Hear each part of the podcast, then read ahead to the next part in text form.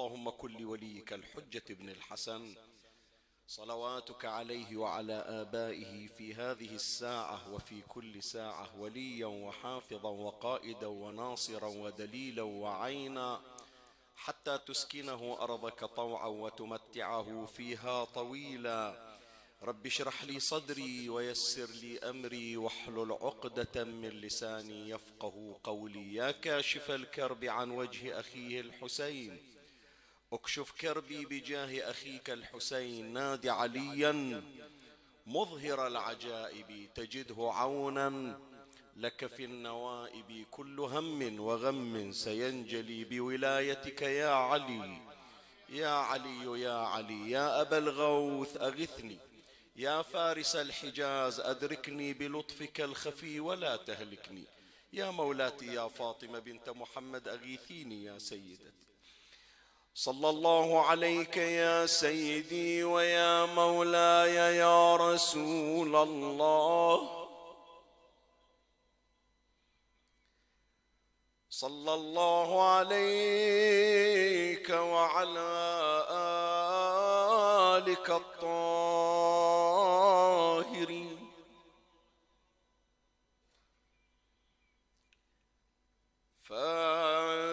من اعتصم بكم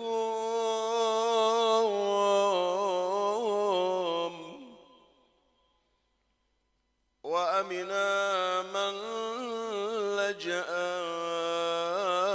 إليكم. يا ليتنا كنا معكم سادتي. فنفوز فوزا عظيما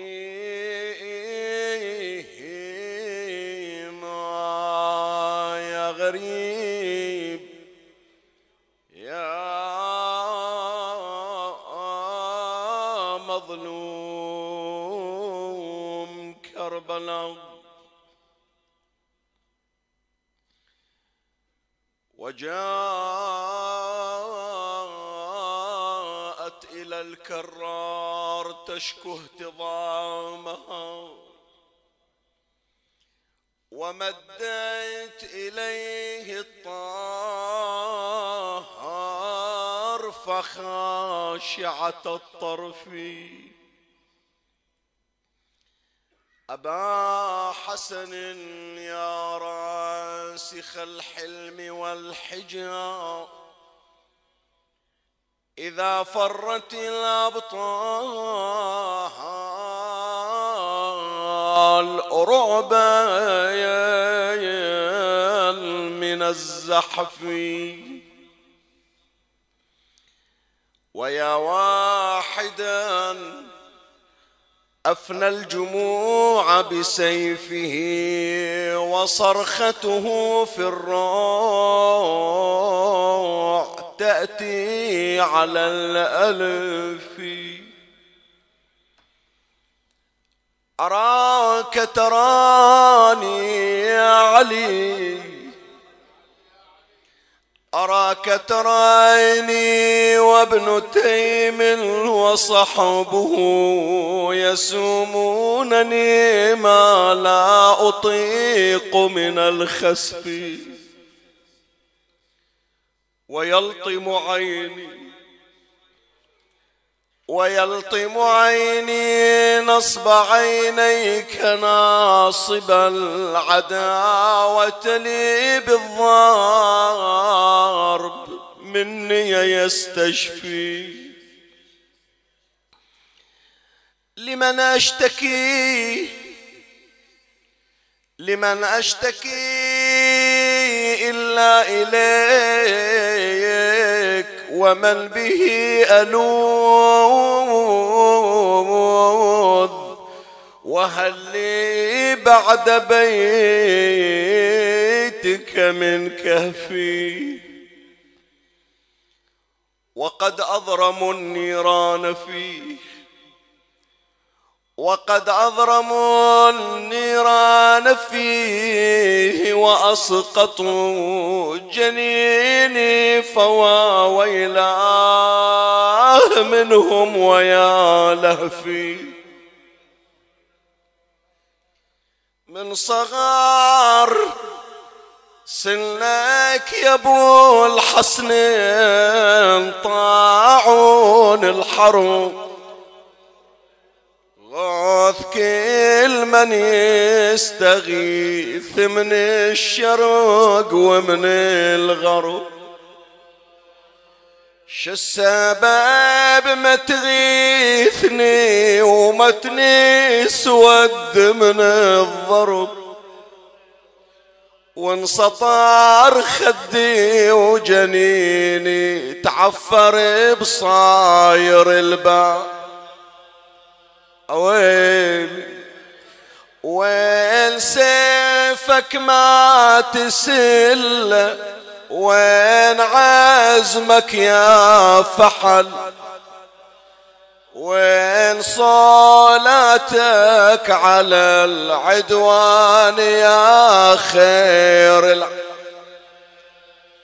انت حبل الله يا حيدر كيف قادوك بحبل؟ جذب ولا وصاح بس يا أم الحسن من هالعتاب. ويلي تعرفيني ما تريد عزمي جنود مجند.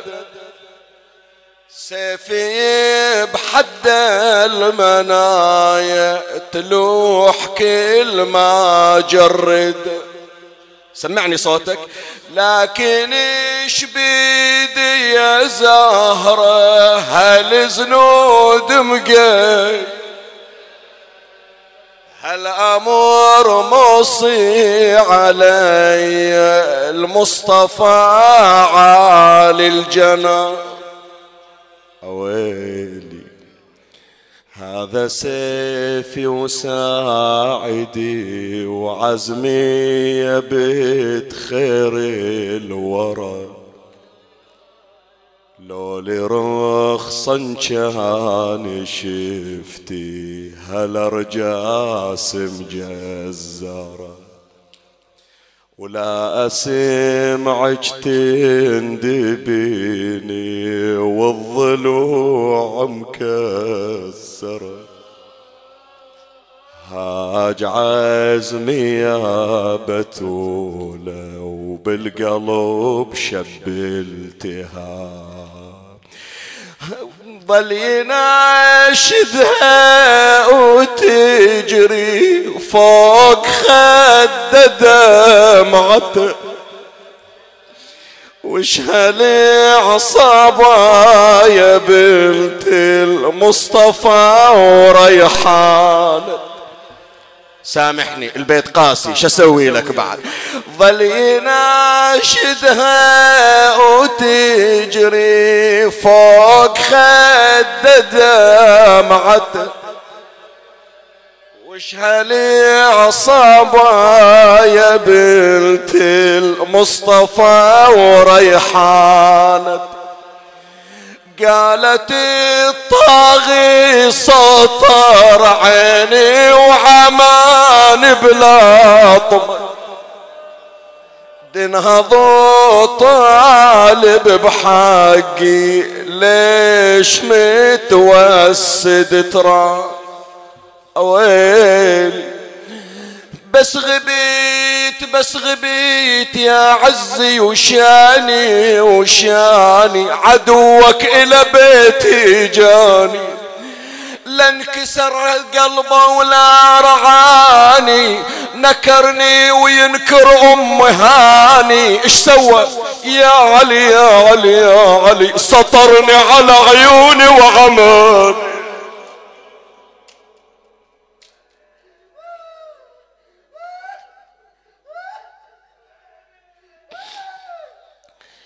إنا لله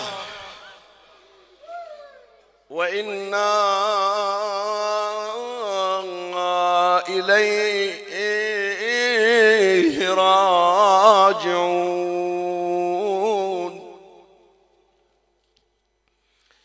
قال سيدنا ومولانا أبو عبد الله الحسين بن علي صلوات الله وسلامه عليه. زوج النبي فاطمة عليا على أربع على أربعمائة وثمانين درهما.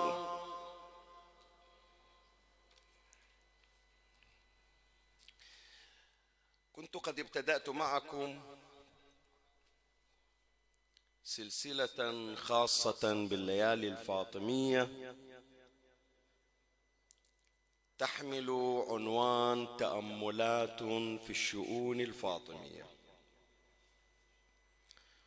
وذكرت في الليلة الماضية أن الغرض من هذه السلسلة ألا نقف على مجرد السطور التي نحفظها وإنما نتأمل ونتطلع إلى أن نقرأ ما وراء السطور. حتى نصل إلى معرفة فاطمية تأخذنا إلى رتبة الكمال. ثم نحاول مما نتعلمه ونتلقنه في مجالس أهل البيت عليهم السلام أن نغير مسار حياتنا استنارة بأنوارهم. واهتداء بهديهم صلوات الله عليهم وكان الحديث في الليلة الماضية حول الحلقة الأولى من هذه السلسلة وعنوناها بتأملات في البداية الفاطمية.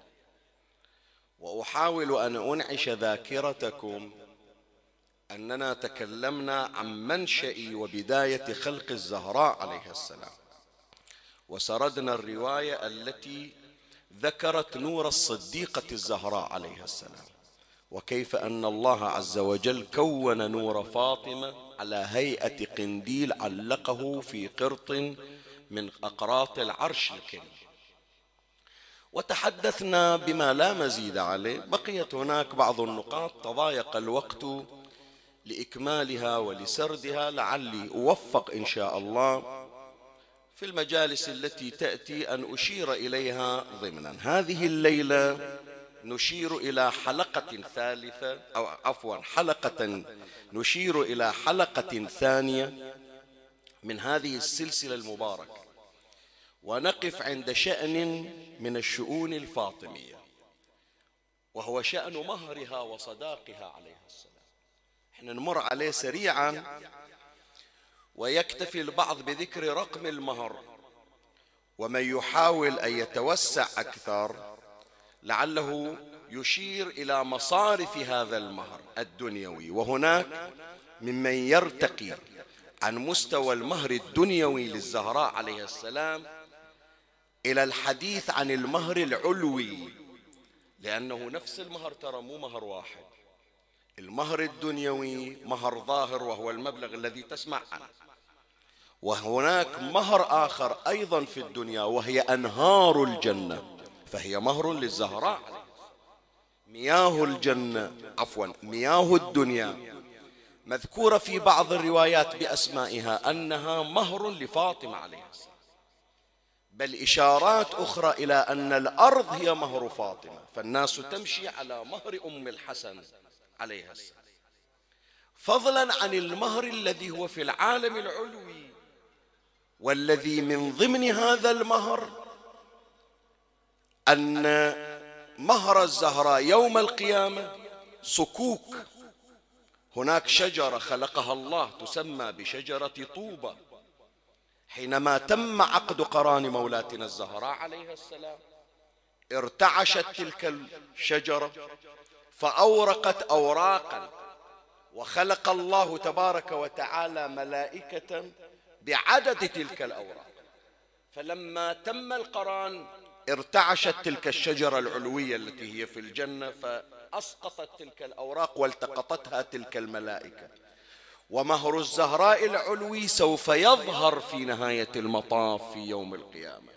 فتأتي تلك الملائكة تحمل الأوراق إلى محب الصديقة الصديقة الزهراء عليها السلام فيجد محب فاطمة على تلك الأوراق والصكوك عبارة براءة من النار.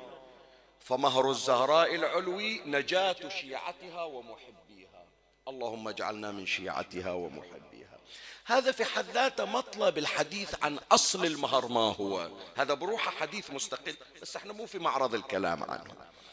وإنما نريد نتكلم حول مهر الزهراء عليها السلام على نحو التأمل.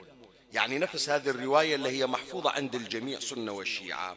نريد شوية أنه نتوقف حتى ننظر إلى خفاياها وإلى ما وراء هذه السطور.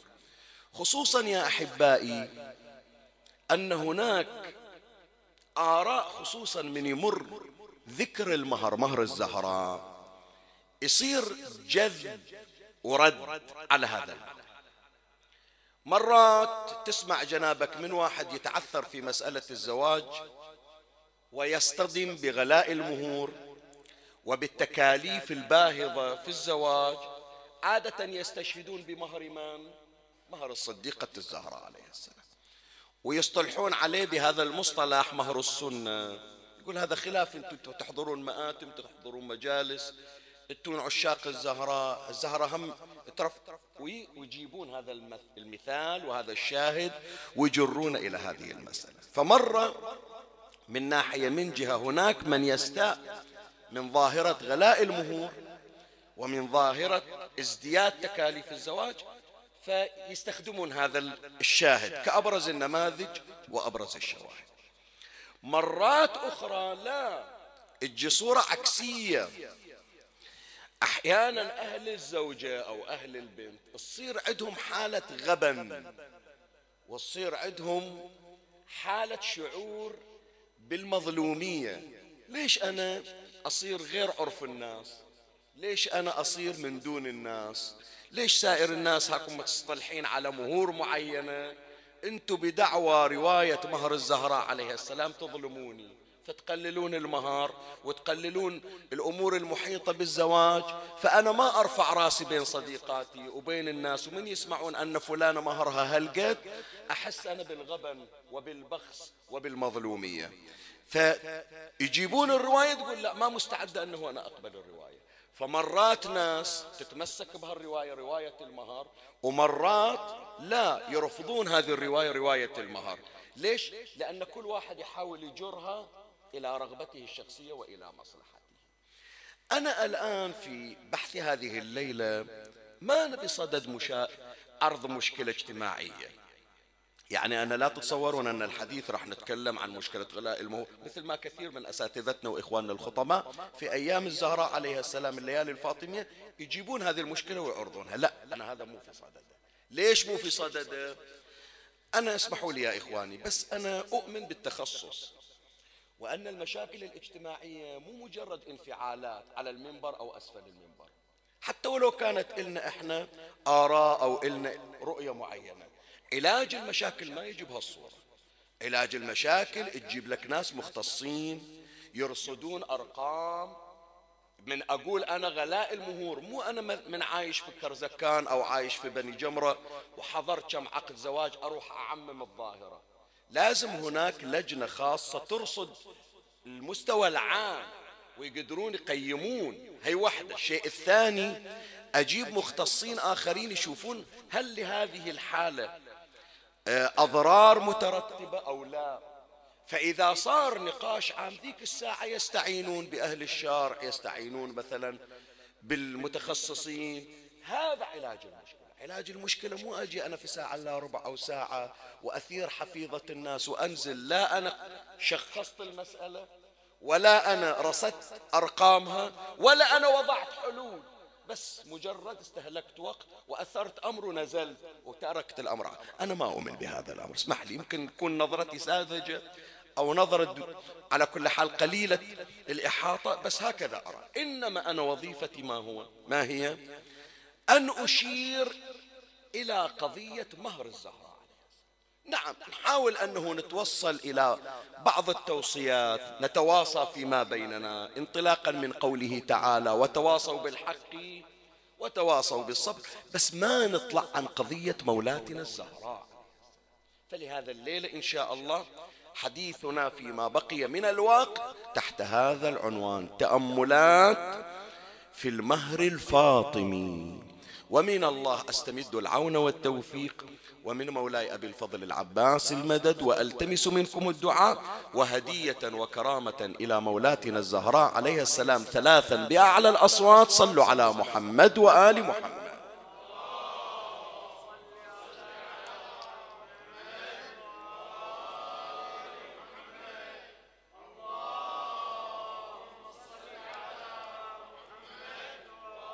اللهم صل على وآل محمد.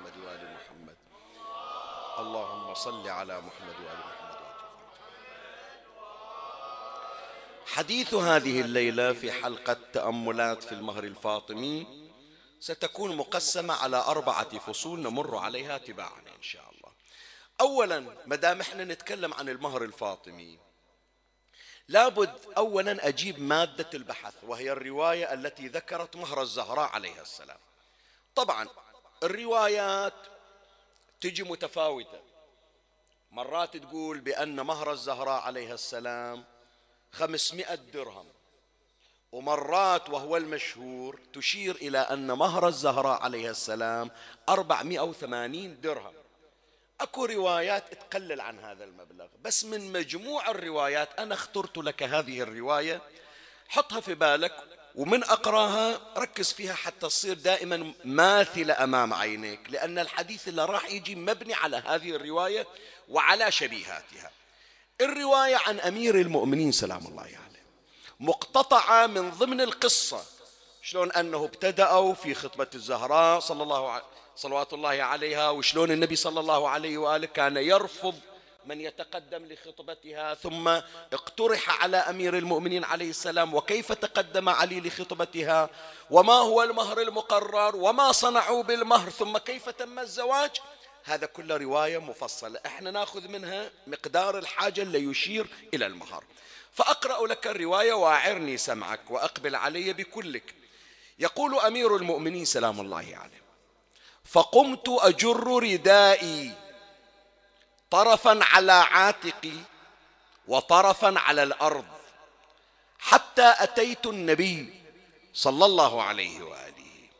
فقعدت بين يديه فقلت يا رسول الله قد علمت قدمي في الإسلام ومناصحتي وإني وإني إني وإني يعني شنو؟ يعني أنا الذي بت على فراشك أنا الذي هاجرت من مكة إلى المدينة أنا الذي جئت بالفواطم أنا الذي وقفت معك في معركة بدر. يعني يعرض أمير المؤمنين سلام الله عليه امتيازاته. وهذا مو جاي أنت الآن تتصور تقول شنو النبي ما يعرف علي؟ أو علي جاي يتباهى مثلا أمام رسول الله؟ لا مو هذا المقصود. بس يريد يقول أمير المؤمنين يا رسول الله أنت خليت شروط للزواج.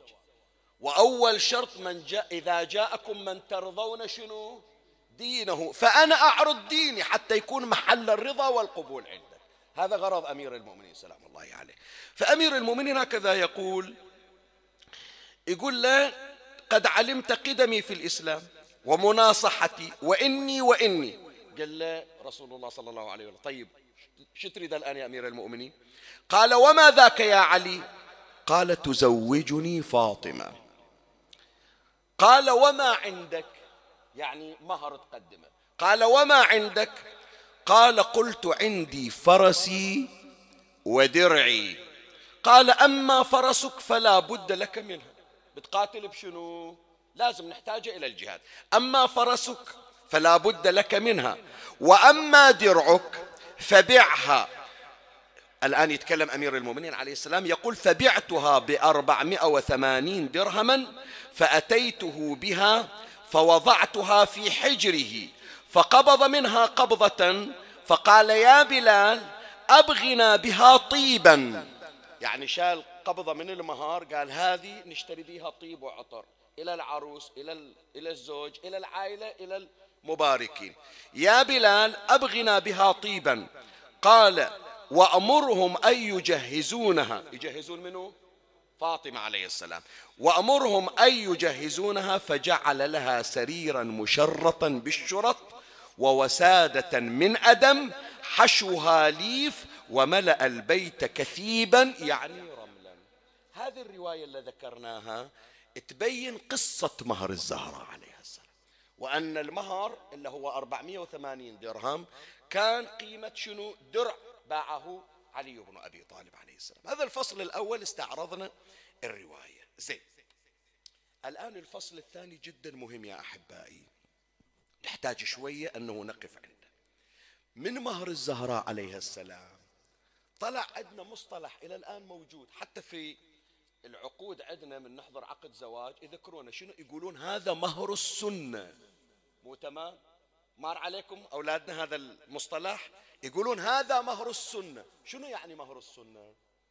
مهر السنة يعني خلاص هو المهر الشرعي الذي أقره رسول الله صلى الله عليه وآله. كم قدره؟ 480 درهم حسب هذه الرواية أو 500 في روايات عندنا يا إخواني أن النبي ما تزوج امرأة من زوجاته إلا بهذا المهر. 500 درهم. كلهم يعني مو تقول متفاوت. زين. يهمنا شنو يا جماعة؟ شلون نحدد مهر السنة؟ إحنا الآن مو في زمن النبي إحنا في سنة 2020 داخلين على 21 من يقولون مهر السنة أنا شي رجعني إلى زمن النبي حتى أقدر المهر كم؟ لو اليوم يطلبون كم المهر إلا الطلبة؟ مهر السنة. زين إيش دراني مهر السنة كم؟ 480 درهم. زين من وين أنا أجيب لك دراهم؟ أنا الحين دنانير عندنا تغيرت العملة. فكيف نحدد مهر السنة؟ هذا يا إخواني يا أبنائي جدا مطلب مهم لأنه وقع فيه كثير من الخلط يؤسفني أن أقول أنه حتى من بعض المحسوبين على المنبر فهم المسألة خاطئة فعدنا نظرات ثلاث حط بالك عندنا نظرات ثلاث هذه النظرات هي التي تحدد مهر السنة والذي هو مهر الزهراء عليه. أما النظرة الأولى نظرة سلبية. من نقول نظرة سلبية يعني شنو؟ يعني نحط عليها إكس خطأ ما نعتمد عليها. بس مع الأسف بعض الأشخاص اعتمدوا على هالنظرة شلون قيموا ما أدري. راح أجي أنا أناقشه في القضية. أنا سمعت بعض الأشخاص اللي هم من خاف أقول يعني بس إن شاء الله ما أنا مبالغ في العبارة بس أقول لك من أركان المنبر الحسين. يجي يناقش مسألة غلاء المهور وأزمة غلاء المهور ويحاول يبسط القضية فيجيب هذا المثل. شنو المثل؟ يقول يا أبا ليش تزيدون أنتون على الشباب في المهور؟ المهر ترى تعرفون مهر السنة كم؟ 480 درهم. يعني كم أربع؟ هذا كلامه. يعني كم 480 درهم؟ يعني 48 دينار. شوفوا شلون حول المبلغ. أخذ 480 درهم. باصطلاحنا إحنا أهل البحرين يعني. حط الدرهم يعادل ربية 48 دينار كم تساوي بالربية 480 ربية مو هالشكل؟ هو كسرها وخلى الدرهم في زمن النبي صلى الله عليه وآله يساوي مية فلس أو يساوي ريال سعودي أو يساوي درهم إماراتي. فيقول مهر الزهرة اللي تسمع عنه في الرواية يعني اليوم 480 درهم إماراتي أو 480 ريال سعودي أو كذا مثلا من هذه المبالغ بالتحويل. يعني اليوم بتطلعها بالدولار كلها ما توصل 130 دولار هذا مهر الزهرة. هذا الحكي صحيح يا جماعة؟ أنا تتصور السالفة كلها سالفة 48 دينار هذه بساطة في التفكير أو تبسيط للقضية. ولهذا أقول لك هذا مو علاج سليم. هذا اللي فكر بهالصورة. حتى بعض من يسمع مثلا أو شيخ ياسين اليوم قال مهر الزهرة 480 درهم يعني إلا سهلة رخيصة 48 دينار. كني رايح العمرة كني رايح المدينة. نول. شايف؟ كني طالع مطعم 48 دينار. لا المسألة تحسب بصورة أخرى. ولهذا قلت لك هذه نظرة سلبية؟ يعني لم تقرأ الرواية رواية سليمة. النظرة الثانية هي النظرة الصحيحة. حط عليها تك حط عليها صح. وهي النظرة الشرعية. شلون النظرة الشرعية؟ الشارع المقدس شلون يحسب مهر السنة اليوم في هذا الزمن؟ يجي يقرأ الرواية. كم مهر فاطمة عليه السلام؟ 480 درهم. بعض الروايات مثل ما قلنا 500 درهم. يشوف الدرهم في زمن النبي صلى الله عليه وآله الدرهم من فضة. تمام لولا الدرهم في زمن النبي في الإسلام من فضة. كم وزن الدرهم في زمن النبي؟ أنت تقول لي شيخنا إيش دران؟ إحنا الآن في الزمن إيش درانا إحنا شايفين دراهم في زمن النبي حتى نحسبها وحتى نوزنها. لا هذا إحنا لما إحنا مختصين ما نعرف بس الفقهاء وحتى غير الفقهاء ضابطين الشغلة. ليش ضابطين الشغلة يا جماعة؟ لأن تترتب عليها أحكام شرعية. الآن إحنا ما عندنا زكاة الزكاة إليها نصب وإليها مقدار معين. شلون الله يفرض علينا شيء وإحنا ما نعرف قيمة نصاب الزكاة؟ كم عندنا مار عليكم في المسائل الشرعية أن الدم أحكام الدم اللي يصيب الثياب يقولون إذا لم يتجاوز مقدار الدرهم البغلي. إيش درانا عن الدرهم البغلي؟ أنا وأنت ما نعرف الدرهم البغلي. الفقهاء عندهم مقياس الدرهم وزن الدرهم. فهذا ضابطين العلماء. العلماء من تجي في الموسوعات الفقهية ضابطين من يقول لك درهم في زمن النبي يقول لك مقياسه القد وأنا ما أريد أجيبه الآن لأن هذا يشتت البحث. بس من إجيت أقرأ يجي يحسب. الدينار كم يساوي؟ يقول الدينار يساوي هالقد درهم. الدرهم كم يساوي؟ فيقول الدرهم وزنه هالقد حبة شعير من الوزن المتوسط يعني حاط إلى وحدة قياس. فعلماءنا من يجون يحسبون قيمة الدرهم يطلعون وزنا اللي موجود عندهم في الكتاب. ففرضا خلنا نقول بأن الدرهم كم جرام؟ خلنا نقول الدرهم عشرة جرام مثلا أنا أقول. خلنا نفترض بأن الدرهم في زمن النبي عشرة جرام. فياخذ المهر 480 يضربه في عشرة يطلع إلى الآن يجي عند الصاغة.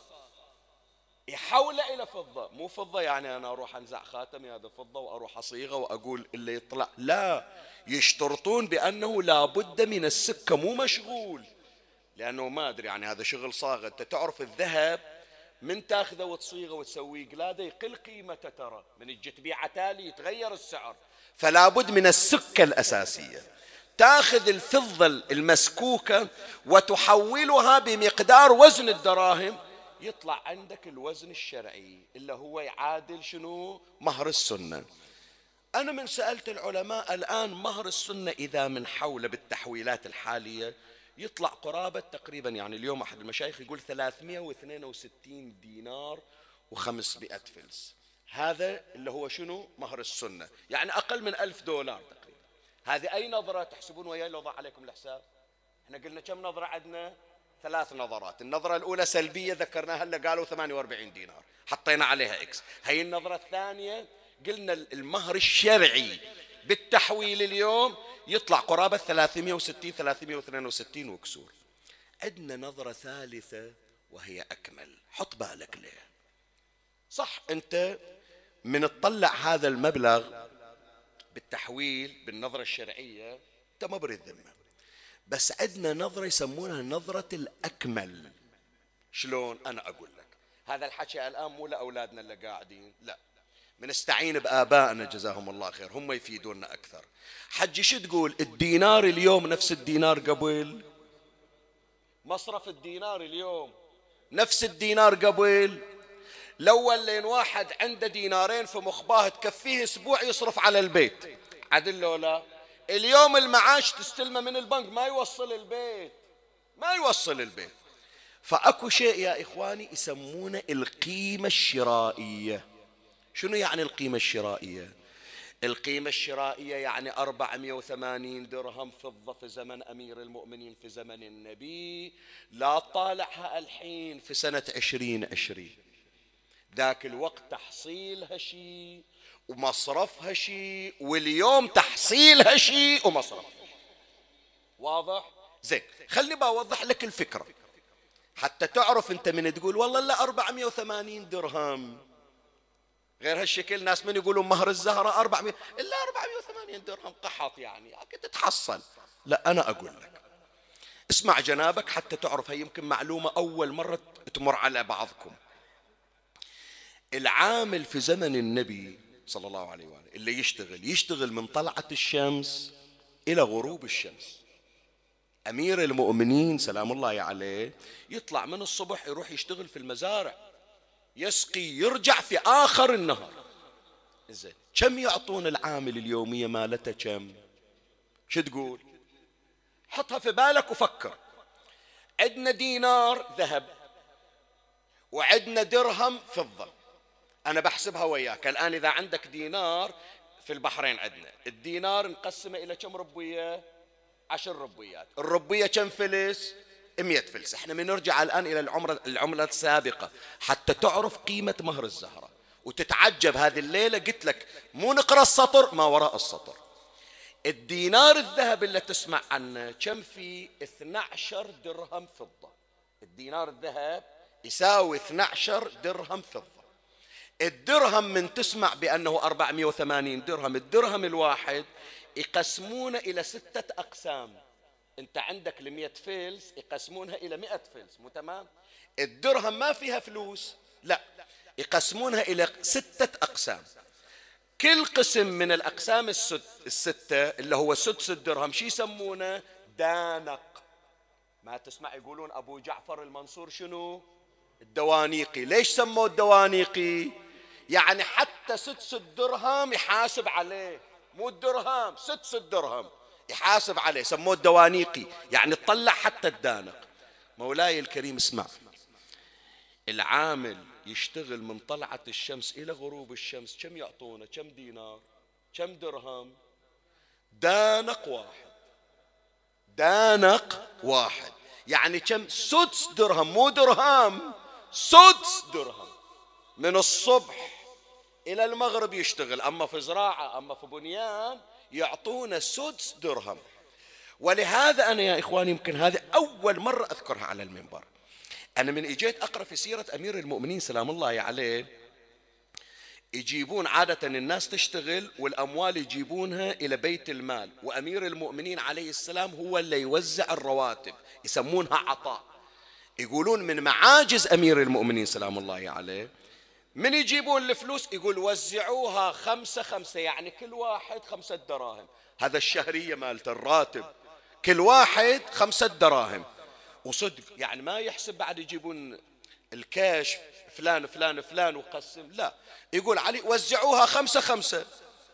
أكو بعض المنافقين والمعادين يقول ولا يغلط ولا يحسبها حساب ثاني.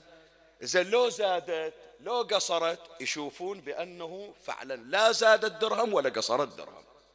بعد يوم من الأيام يقولون ظلت 15 درهم. قالوا أول مرة يغلط على ابن أبي طالب. هاك زادت الحين لازم حسبة جديدة. قال لا خمسة لي وخمسة للحسن وخمسة للحسين كل هالمبلغ. اللهم صل على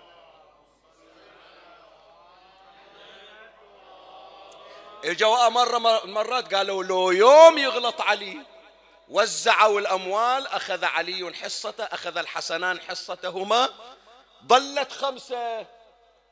قالوا بعد خلاص توزعت وقصرت. أول مرة نصيد على علي مستمسك.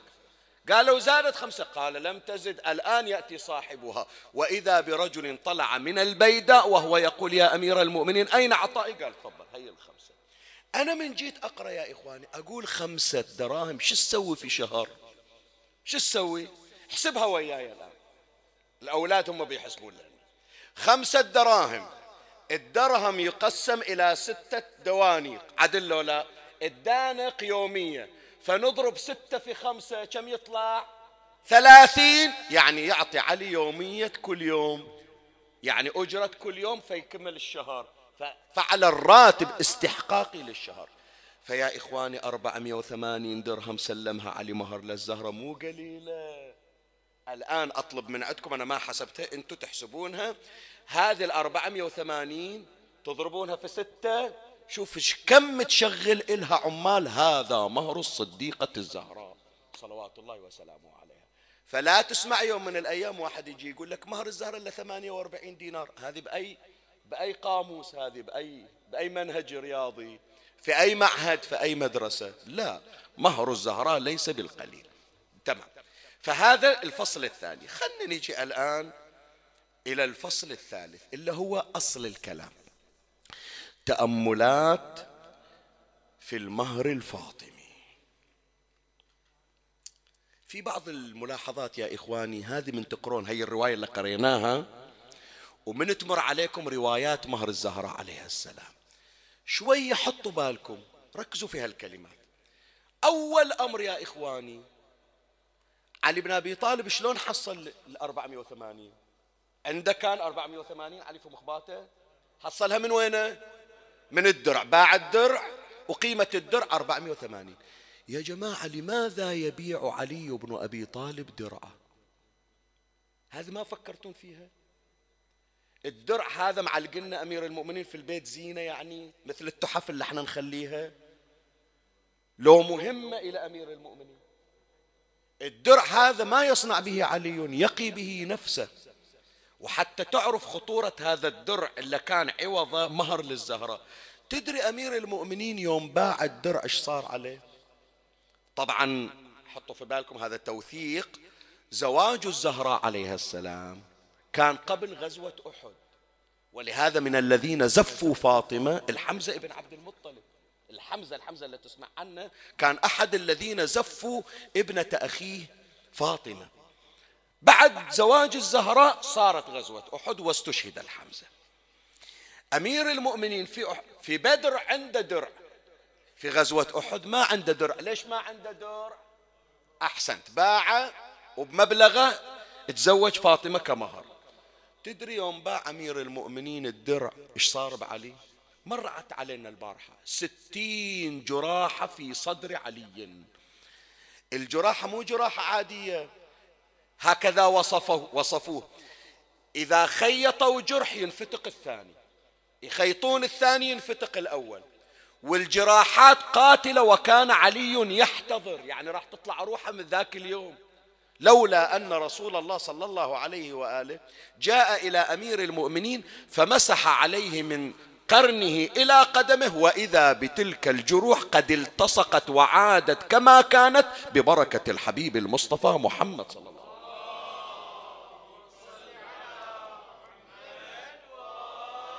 هذا الدرع اللي باع علي للمهر لو كان مخلينا كان يقي بنفسه. زين يوم شهادة أمير المؤمنين عليه السلام في شهر رمضان. هذا مع الأسف من التاريخ اللي قليل يذكر على المنبر. تدري يوم الحسن والحسين أخذوا أمير المؤمنين وحطوه على المغتسل وجرده الحسن من ملابسه. ألف جراحة في جسد علي بن أبي طالب. هي نعم. من رأس علي إلى رجل علي ألف جراحة في كل الحروب التي خاضها. فلو كان عند أمير المؤمنين درع يقي به نفسه هو مو قلت لك مو ماخذنها للتزين. فما كان الداعي أن يبيع الدرع حط في بالك هذا الدرع اللي باع علي علي مو مستغني عن الدرع. درع مهم لأن مهر فاطمة مهم. ويمكن نقدر نستخلص بأن مهر الزهراء يعادل جهاد علي بن أبي طالب سلام الله عليه. زين هي واحدة من الأمور التي نتوقف عندها. الثانية إخواني لو واحد يقول لا مو مهم. المهر مو مهم. لو واحد جاء قال للنبي يا رسول الله ليش تخلي علي بن أبي طالب يبيع الدر كان خليته بالعكس هذا يفيدك في الحروب أكثر. لا المهر مهم يا إخوان. شوف القرآن شو يقول؟ هذه الآية تحفظونها.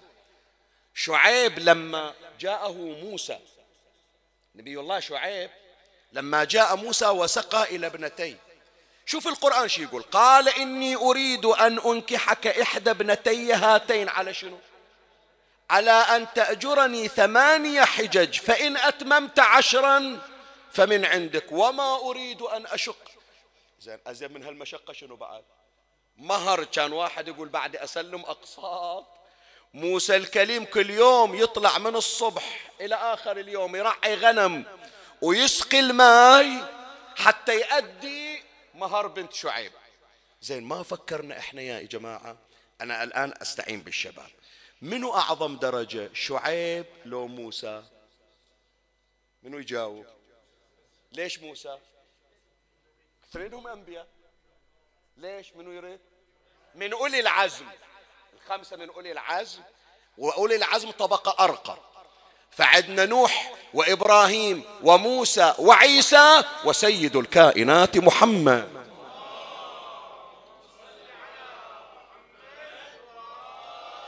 فموسى أعلى درجة من شعيب ومن ابنة شعيب. تروح تزاحمه تخليه ثمان سنين يشتغل لك كل يوم حتى يأدي مهرها.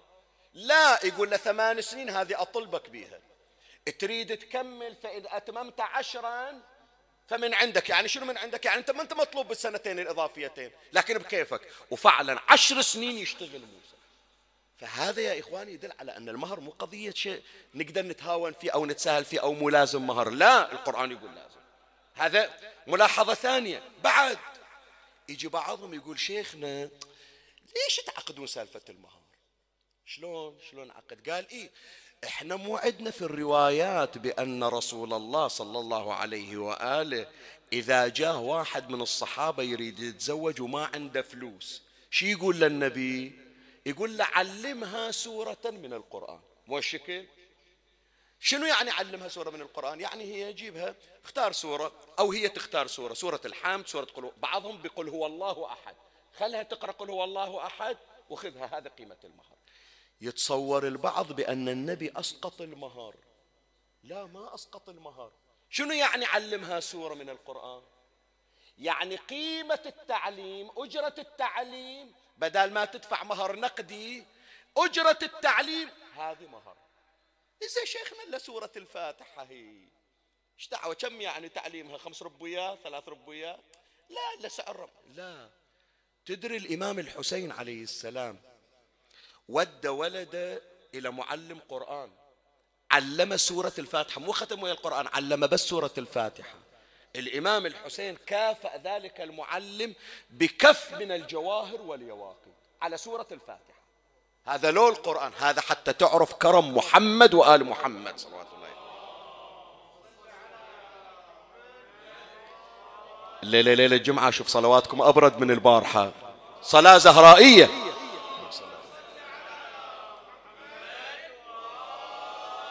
هذه المعلومات يا إخواني أنا سايقنها لك حتى من نحكي مهر. لا تتصور المهر اعتيادي. المهر إلى ثقل في القرآن وفي روايات أهل البيت. هذا واحد. تأمل ثاني من نقرأ في مهر الزهراء عليها السلام. أنا أريد الآن أتوقف وياك. حط بالك هذه شوية تحتاج إلى تأمل. الآن منجي ندرس الزهراء مو بحيث ما هي فاطمة. لا. ولا بحيث بأنه إحنا شيعة ونحب الزهراء ونقرأ روايات في مقاماتها. لا لا لا. انسى مقام الزهراء انسى شرف الزهراء على شرف مولاتي فاطمة. انسى درجة فاطمة. خلنا نشوف الزهراء الناس ذاك الوقت شلون يشوفون أي امرأة في ظرف الزهراء حتى تعرف أنه من مرة إلى مرة تختلف. من امرأة إلى امرأة أخرى ما تقدر تقول هذه حالها مثل حال شلون؟ أنا أقول وياك. أولا حتى تعرف الظرف المحيط بالزهرة. فاطمة يا جماعة منو أمها؟ خدي... شنو خديجة يعني؟ أثرى أثرياء العرب. غير إحنا نقول بأنها بذلت هذا مع الأسف من يجون يذكرون زواج الزهراء ومهر الزهراء ما يقو... ما يتذكرون ذيك الساعة. أم خ... أم فاطمة وهي خديجة كم كانت تملك من الأموال؟ فأنت تخيل اليوم بتتقدم إلى وحدة كانت في وقت من الأوقات أمها أسرى أثرياء الجزيرة العربية. فهذا لابد أنه يكون مهرها يناسب مقامها تمام لو لا؟ فإذا أولا فاطمة بنت أثرى ثريات العرب. ثانيا فاطمة عندها امتيازات ماكو أي امرأة ظاهرة من حيث الجمال والكمال ومن حيث الحسب والنسب. فلهذا الكل يطمع أن يتزوج من الزهراء عليه السلام. هذا اثنين. ثلاثة النبي ما عنده إلا فاطمة. تمام لولا؟ وتعرف الأبو لما ما عنده إلا وحدة. ويتمنى متى يجي اليوم إلا يشوف زواج بنته. لأنه النبي ولد راح ولد إبراهيم راح ولد القاسم راح. البنات الأخريات متزوجات. بعضهم يقول بأنهن ربائب لكن بنت اللي من صلبة ولا يعول عليها أنها سترث أولادها هم الذين سيكملون المسيرة من هي؟ فاطمة. فلا بد لابد أن يكون زواجها أن يكون زواجها زواج مميز. شلون أنا أجي أسهل في الأمر؟ فلو أكو غير الناس يا جماعة يفكرون بهالمقاييس طبعا أهل البيت حساباتهم مختلفة. بس اليوم الناس تتكلم تقول لا بنتي هذه وحيدتي أنا يوم اللي بزوجها برميها. تمام لو لا هي مقاييس الدنيا لو بيقرون فاطمة. ثلاثة أو أربعة. الزهراء تزوجت في المدينة. جاية من وين؟ جت إلى المدينة من وين يا جماعة؟ من مكة. شو تقولون؟ الزهرة من طلعت من مكة شايلة كنوز وياها؟ هي وأبوها طالعين مطرودين. النبي طالع مهاجر يريدون قتله والزهراء تعرضت إلى محاولة اغتيال في طريق الهجرة. وإجت ما عندها شيء فاذا هي تعيش الحرمان مع رسول الله واليوم منطق اليوم اللي نحكي إحنا في اليوم واحد من يريد يزوج بنته أول ما يتقدمون إلى بنته ويقعد هو شو يقول؟ يقول أنا أدور زوج لبنتي اللي يضمن مستقبلها مو تمام؟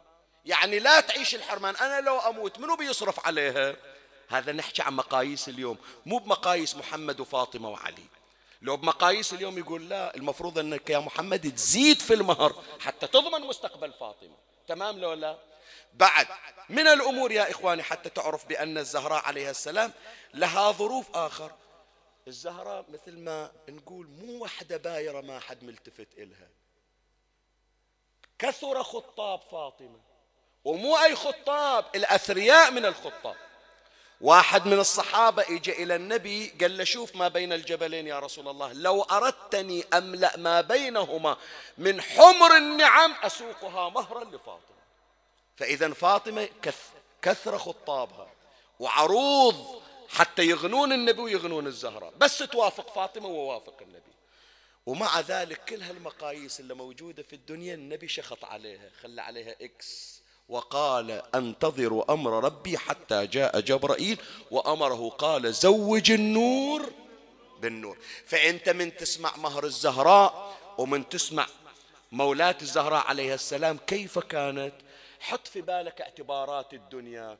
تالي شوف شلون الزهراء وشلون أمير المؤمنين وشلون النبي ينظرون بمقاييس غير اللي ننظر إحنا زين بقى عندنا يا إخواني مسك الختام. خلنا نتكلم بعد ما دام مرينا أول في المبحث ما أريد أتجاوزه إلا أول أشير إلى هالنقطة ثم أختم الحديث. يا جماعة علي تقدم إلى خطبة فاطمة من رسول الله. أمير المؤمنين في الحسب والنسب شي يصير إلى النبي؟ خلي أسمع. شي يصير إلى ابن عمه؟ يعني ابن عم تقدم إلى بنت ولد العم؟ هذا الشكل إحنا نحسبها؟ لا يا جماعة. علي قبل أن يكون ابن عم لرسول الله هو ولد لرسول الله. يعني ولدي جاي ياخذ بنتي. هذا منو يقول شيخ ياسين؟ لا مو شيخ ياسين. أول يد تلقت علي بن أبي طالب يد من؟ إن شاء الله بتقول لي فاطمة بنت أسد. لا فاطمة بنت أسد فقط أنجبته. رسول الله كان حاضرا وهو الذي تلقى عليا. شوف أمير المؤمنين عليه السلام كيف يصف العلاقة بينه وبين رسول الله. حط بالك للكلمة. يقول ولقد علمتم موضعي من رسول الله صلى الله عليه وآله. بالقرابة القريبة والمنزلة الخصيصة. وضعني في حجره وضعني في حجره وليدا يضمني إلى صدره ويكنفني في فراشه ويمسني جسده ويشمني عرفه. وكان يمضغ الشيء فيلقي شايف الأم لما تلقم الولد؟ هالشكل. فالنبي أب إلى علي. فكأنما زوج بنته إلى ولده. بالله عليك اللي بيزوج واحد قريب يضغط عليه ويقول له روح بيع درعك. وروح اتعب وسووا كذا وشي. هذه الأشياء فكروا فيها حتى تعرف مقام الزهراء عليها السلام. من هنا يا إخواني أتي إلى مسك الختام وقتي انتهى الآن. بقى عندي خمس دقائق حتى أكمل الساعة. خلي أشير إلى ثلاث نقاط وهذه كتوصيات إحنا في حياتنا. أول أمر يا إخواني بين الزوجين إحنا من نقرأ زواج علي من فاطمة ونريد نستلهم ونستنير بهذا الزواج. لا يجي واحد يحاول يستغل الطرف الآخر. شوية حط بالك للكلمة. لأن الكلمة نوعا ما حساسة وأنا أرجو أن ألقى صدورا متسعة وهي تسمع هذا الكلام.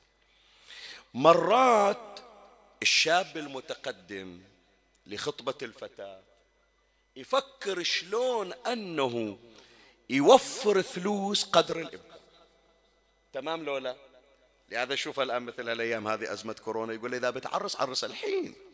هي ضربتك.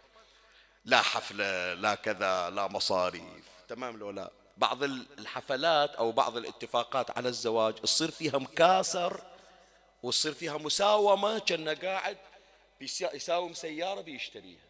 تمام لولا هم من طرف آخر شوف بعض الآباء أو بعض ال...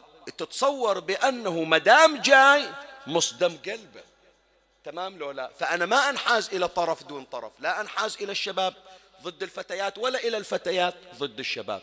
بس أنا أقول خلنا نتجرد عن هالمستوى. لا كل واحد يفكر في أنانية إيش قد راح أربح من الزواج؟ ولا كل واحد يفكر إيش قد راح يطلعون من عندي من الزواج. هذا علي وفاطمة. شوف شلون النبي هذا ولده وهذه بنته. لكن مع ذلك نظروا إلى الأمور بنظرة مختلفة. فهذا أول درس نستفيده يا إخواني.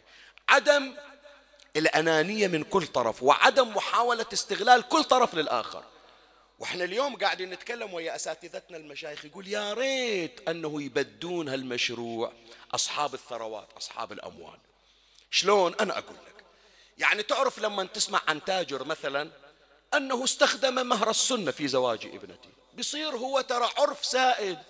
هذا تالي ما بيصير الشاب مضغوط يقول أنا إيش أسوي شيخنا؟ يلزموني بتكاليف. وذيك البنت تقول أنا مظلومة. كل الناس أكو يبذلون هالقد مبلغ. فلما تبتدي بأصحاب الثروات تالي بيصير عرف سائد. أصلا الفقير لو بيزيد هذيك الحين المهر ما بيقبل. يقول تود منو أنت؟ روح شوف التجار هكو كم يصرفون. تمام لو لا؟ فأول أمر لا يستغل كل طرف الآخر ولا يتعامل بأنانية لأن هذا مشروع تأسيس حياة. واحد أنت هذه هم حطها في بالك. الزوج من يبذل مهر أو يبذل مصارف. الأب لما هم يقول مو كل شيء من جيب الزوج لا هم أنا أبذل. أنت تعرف هذا البذل يا الزوج يا الشاب المتقدم؟ ترى هذه مي ضايعة. هذه عبادة. تدري لو ما تدري؟ الآن شوية حط بالك لأن البعض يحس إنه مظلوم انسى سالفة الزواج. انسى سالفة الزواج ما إحنا نحكي عنها. نريد نرجع إلى آبائنا هم اللي يفيدونا في هالأمر. يا جماعة تتذكرون أيام ما كنا نطلع إلى زيارة الإمام الحسين الله يرزقنا وإياكم إن شاء الله ويعودنا وإياكم على أمثاله. ذاك الوقت الزيارات الناس كانت فقر بعضهم معاشه في الشهر عشرين دينار تدري لو ما تدري؟ وتدري ذاك الوقت الدينار العراقي كم يساوي؟ دينار وثلاثمية بحريني عدل لولا والحياة مكلفة وهذا ما عنده ياكل في البحرين. لكن تدري إذا راح إلى العراق كم يقعد؟ رددوا علي؟ الآباء خلي يردون كم بتقعدون ذاك الوقت؟ أكو ناس تقعد شهرين وناس تقعد ثلاثة أشهر. أكو أنا من آبائي يعني رحمة الله عليهم مع العلم أنه مورد دخول بسيط. ياخذ عرفة ياخذ الغدير ياخذ محرم ياخذ صفر ياخذ مولد النبي ويرجع البحرين. أحسنت وبعضهم يطلع يطلع يروح يزور مشهد ويطلع للسيده زينب. أنا من أيام صغري كنت ويا ابويا هالشكل تمام؟ الزين ومن يرجع؟ ما يقول من وين راح أصرف.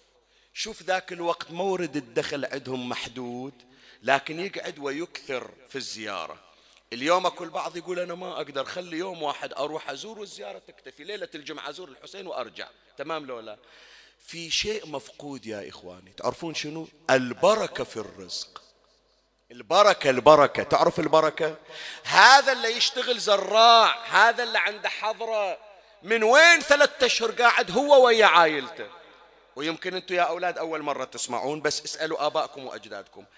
أكثر رفاهية على الأسرة تصير إذا سافروا. إحنا شفناهم يوم اللي بيطلعون شال وياه الحلوى شال وياه الصوغل اللي يعرفهم في العراق ويرجع ويعيش مترف وكل يوم يرفه على عياله في السفر. مو مضيق عليهم يقول من وين إلي؟ ويرجع والله يبارك له في الرزق. عدل لا؟ البذل يا إخواني التوسعة على العيال من العبادات. بل أنه حتى في الأمور العبادية أنت لما تبذل نفقة في زيارة الحسين عليه السلام. هذا مو من رزقك المقسوم. لا تقول قاص من معاشي. لا هذا الحسين يبذلها إليك فيبارك الله في رزقك. فلهذا الدرهم عند الحسين مضاعف. هذه في الزيارة؟ بعد يا أهالي كرزكان أنتم أهل الولاية. كم واحد عنده ميقات في الماتم مرت عليه الميقات ما عنده ياكل في بيتهم؟ ما قال أنا من وين إلي؟ مو لازم السنة أركب إن شاء الله الجاية. تمام لولا كم مرة مرت؟ يبذل من أجل. وتنفتح له أبواب الرزق. تمام لولا هذا الكلام؟ قبل الميقات بيومين ما عنده شيء. ما شاف وإذا فلان. تفضل. أنا واقف وياك. وإذا ينفتح له الرزق فيبارك الله له. وعقب الميقات الله يبارك إلى أكثر وأكثر. الزواج يا إخوان هم كذلك. إحنا شفناهم العهد اللي عشنا فيه واللي عاشوا فيه آبائنا. ما عنده شيء الولد. من وين إذا عرسوا لازم يذبحون ثلاثين خروف أو يذبحون عجل في العروس؟ عدل لا. من وين؟ إذا نظر إليها كمشروع إلهي وهذا حتى أختم خلاص أحط نقطة آخر السطر أكتفي. خلاص حتى الورقة طويتها وخليتها. ذكروني أنا ناسي. أنتم اللي تقولون. حضرتون أنتون عقد الزواج. هذا الشيخ من يريد يعقد شي يقول على كتاب الله كملها. وسنة نبيه وولاية أمير المؤمنين علي بن أبي طالب والأئمة المعصوم. عدل لولا هذا الكلام؟ زوجتك وأنكحتك فلانة. تمام لولا شنو يعني على كتاب الله وسنة نبيه وولاية علي؟ شنو يعني؟ يعني يا جماعة من دلائلها إن شاء الله راح أبحثها هذا في بعض المواضيع في مستقبل الأيام إن شاء الله. يعني أنا آخذ البركة من الله ومن محمد ومن علي ومن محمد وآل محمد صلوات الله عليه. فلهذا تشوف البركة تصير يا جماعة. بدا ما عنده شيء لكن الله وسع عليهم والله بارك لهم تمام لولا لأن عنصر البركة لا تفقده في زواجك بل ابحث فيه. وهنا أختم. تعال شوف البركة في زواج الزهراء عليه الآن بزفون أم الحسن. يسأل أمير يسأل رسول الله صلى الله عليه وآله أمير المؤمنين يقول له يا علي ما عندك حتى تطعم الناس؟ إيش عندك أنت؟ قال له والله يا أمير يا رسول الله هذا الدرع وبعته. شوف التساعد بين الأسرة. ما قال لا كل شيء عليك هذا إحنا ما نصرف شيء. انت لا لا لا. قال يا علي التمر والسمن عليك والخبز واللحم علينا. شوف التساعد. ما قال هاي بنتي روح إذا ما عندك من تكفوا ليش جاي تعقد؟ ليش جاي تخطب أنت؟ لا لا. يقول أنا وبنتي عاطنها إلى ولدي. التمر والسمن عليك والخبز واللحم علينا. يا بيوت يا أسر أسألكم أيه أغلى؟ اللحم الذبيحة العربي لو التمر أغلى؟ ها؟ مو اللحم أغلى؟ ليش ما قال اللحم عليك أنت اللي بتعرس وإحنا بنساعدك في تمر؟ لا قال أنا إذا ما أوقف وياك منو يوقف وياك؟ أنا مشتري رجل مشتري علي لفاطمة. قال إن شاء الله يا رسول الله. فعجن العجين وذبح ما عنده علي إلا كبش. وراح جاب التمر والسمك. قال له علي روح اعزم الناس. يقول استحيت أمير المؤمنين يقول استحيت أعزم واحد وأخلي واحد. ما أعرف. ما أعرف صدق ما عندي. لكن أنا علي بن أبي طالب وهذه فاطمة. فاطمة مي واحدة عادية. فصعد أمير المؤمنين عليه السلام على ربوة. وصاح يقولون وضع سبابتيه في أذنيه وصاح. أجيبوا وليمة فاطمة.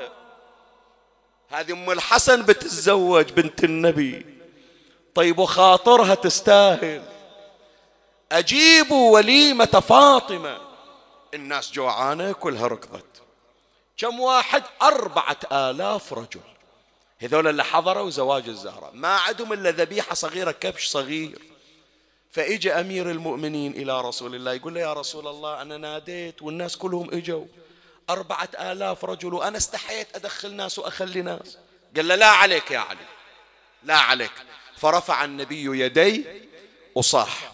اللهم بارك فيهما وعليهما ومنهما. ونفخ النبي في ذلك الطعام قال الله علي دخلهم. وحطوا المائدة هي ماعون واحد. أربعة آلاف رجل من أهل المدينة أكلوا وليمة فاطمة حتى شبعوا والطعام لم يتغير كرامة لبنت نبينا محمد صلى الله عليه وسلم.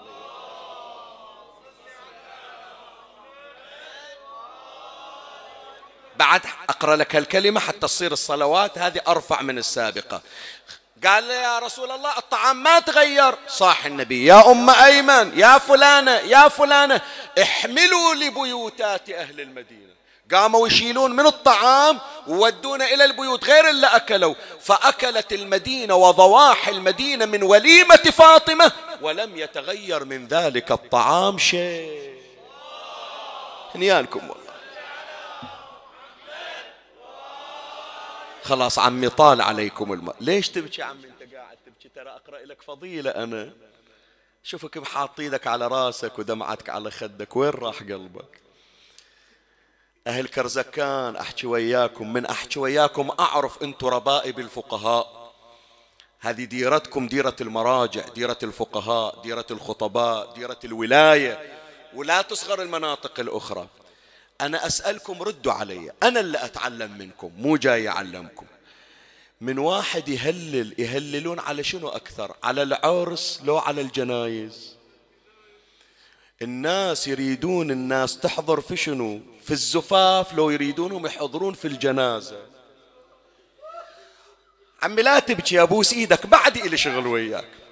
سمعتون يوم من الأيام في كرزكان أو ضواحي كرزكان المستان المالشية واحد بطل السماعة وصاح يا أهل الديرة عندنا وليمة عرس تعالوا حضروا. ما صارت. لكن سمعنا يبطلون السماعة ويصيحون عندنا جنازة تعالوا شيلوها. أنا أحكي الآن ويا أمير المؤمنين. أقول له يا علي ما رضيت على الزهرة ينكسر خاطرها ما حد ياكل من وليمتها. خليت المدينة كلها تطلع. ثلاثة أيام تاكل من زاد الزهرة. وشبعوا وما نقص شيء. كان ناديت على جنازة أم الحسن يا علي. كان ناديت أهل المدينة يشيلون جنازتها الشابة اللي عمرها 18 سنة. متى صارت يا جماعة جنازة علوية سيدة من بني هاشم؟ ست انفار يشيلون جنازتها. ونص الليل وين صارت غير الزهرة؟ إيش دعوة عرس الزهرة؟ أو قال مظلوم أم الحسن. هي موسطني وتفني بالليل إذا هدأت العيون ونامت الأبصار. حضر قلبك عمي. ليلة جمعة ترى. اختم يومك بدمعة على أم الحسن. قاعدين ستة من الشيعة عند باب بيت أمير المؤمنين. سلمان أبو ذر مقداد عمار العباس بن عبد المطلب الزبير قلة قلة المكثر يقول 12 ومن زود الكثيرة كل واحد حاط راسه بين ركبتيه. مثل ذول الأولاد القاعدين اللي قلوبهم مغبونة على هالمظلومة شوية وإذا الصوت من داخل الدار. سلمان عم يا سلمان. اجى أبو ذر إلى سلمان قال له سلمان قوم أمير المؤمنين يناديك. قال يناديني مشغول أنا بالبكاء. خلي أروح أشوف إيش عنده. وإجا سلمان وفتح الباب وإذا جنازة الزهرة ممدودة وعلي واضع يده على خاصرته. صح. أبا الحسن ناديتني قال إيه يا سلمان؟ خير أبو حسين إيش عندك؟ حضر قلبك. قال يا سلمان عاوني على حمل فاطمة.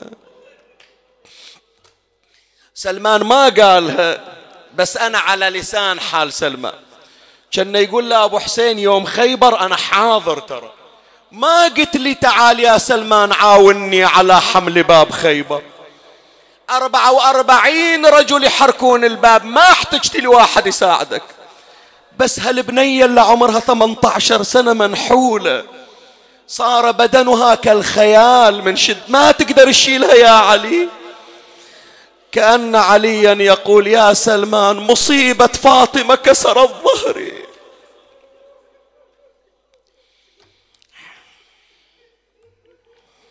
إذا صدق الزهر غالي عليكم وأعرف غلات فاطمة. الليلة الليلة الليلة. الليلة حضرها كأنها ليلة الوفاة أريد ونة من عندكم خاصة. وإذا عندك حاجة أطلبها بالونة اسمع علي شو يصيح بدنها. بدنها يا مصايف فاطمة ضلوعي. بيدنها كسرنها يعني. مصايف فاطمة بضلوعي بدنها بدنها واشوف البيت صار ظلام. بدنها كل المجلس أريد أسمع يصيح بدنها علي يقول أنا يوم الغسلت بيدي. بدنها بدنها كسر ظهري كسر ضلع الزكيه اي كسر ظهري كسر ضلعي.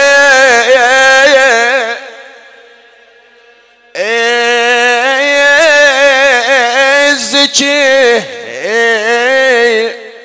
لا لا لا لا لا. ونة خاصة أنا مترجم من عندكم ونة خاصة. ويلي وهي مدللة بيا أبوها. أحسنت؟ هكذا النياحة. مدللة بيام أبوها. وبس ما مات قوم رواعه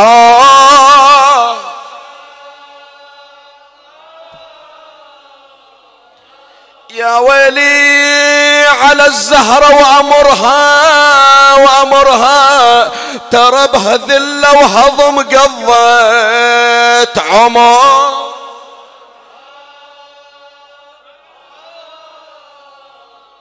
إذا يأذيك البيت سامحني يقولوا بالليل وبالليل ابن عمها قبرها ولا اليوم ما قبرها. ولا اليوم ما نعرف قبرها. هالبيت مو شيخ ياسين اللي يقراه أنت اللي تقراه. علي يقول يا قلب يا قلب ذوب وهلي دمعي على الصاحة يفض انكسر. إلك على الصاحة يفض انكسر. ضيق.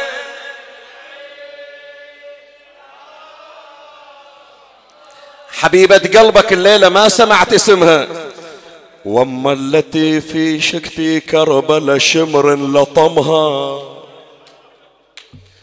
طلعت من الحجرة وركضت تحضن امها جاها أبو الحسنين قبلها وضمها. يقلها البكا والنوح لا تتعلمين. لا تبكين زينب أبوك موجود إخوانك موجودين. تقول لي يا أبويا إذا ما أبكي على أمي مد على منو أبكي؟ ضم البكا والنوح لارض الغاضرية. متى؟ لا من نظرت حسين مرمي على الوطي أقول له أسكت. تلعب على صدره خيول أعوجية صدره يا زينب بالخيول مكسرين. ذاك اليوم يا زينب ما عندك أحد ذيك الساعة وإني وصيحي. صدق ذاك اليوم يوم اللي شافت الخيل صعدت على صدر أخوها. قالت وينك يا علي اللي ما ردت تشوف دموعي؟ يوم شفت جنازة أمي خلي أخبرك إيش صاير اليوم. يا مغسل الزهرة البتولة بظلمة الليل. حين رأيت ضلوعها ظل دمع كيسي. يا علي غسل أجساد رضضوها بحافر الخ بدوس الحوافر صدر شبلك راضين زين هذا الأبو الأم الأم بيت الختام. توجهت إلى المدينة. يا طيور طيري إلى المدينة بخبر وسعي مر على قبر النبي وعزيه ونعي مر على اللي في قبرها تصير ضلعي ضلعي كسر الضلع بس عاد لا تتذكرين. تعال شوف المدلل إيش صاير عليه. إيش صاير عليه؟ ليتك نظرتين الشمر من فوق صدره. السيف بيده يا بتول يحز نحره. ليتك نظرت الخيل صعدت فوق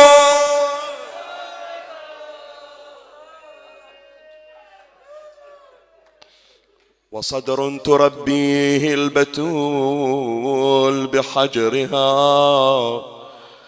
ترضضه خيل العدا بالحوافر اللهم صل على محمد وآل محمد.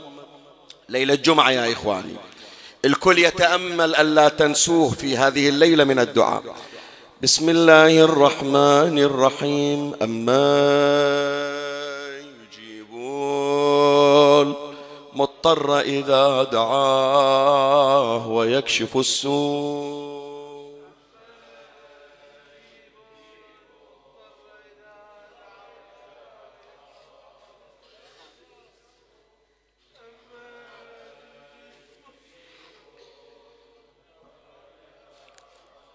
اللهم صل على محمد وآل محمد فإليك يا ربي نصبت وجهي. وإليك يا ربي مددت يدي فبعزتك استجب لي دعائي وبلغني مناي ولا تقطع من فضلك رجائي واكفني شر الجن والإنس من أعدائي. يا سريع الرضا اغفر لمن لا يملك إلا الدعاء فإنك فعال لما تشاء. يا من اسمه دواء وذكره شفاء وطاعته غنى ارحم من رأس ماله الرجاء وسلاحه البكاء يا سابغ النعم يا دافع النقم يا نور المستوحشين في الظلم يا عالما لا يعلم صل على محمد وآل محمد. واقض حوائجنا واشف مرضانا وفرج عنا وعن المؤمنين. وترحم على أمواتي وأموات الباذلين. سيما من بذل هذا المجلس لأرواحهم. أوصل لهم ثواب هذا المجلس ولجميع المؤمنين والمؤمنات. وبلغهم ثواب الفاتحة مع الصلوات.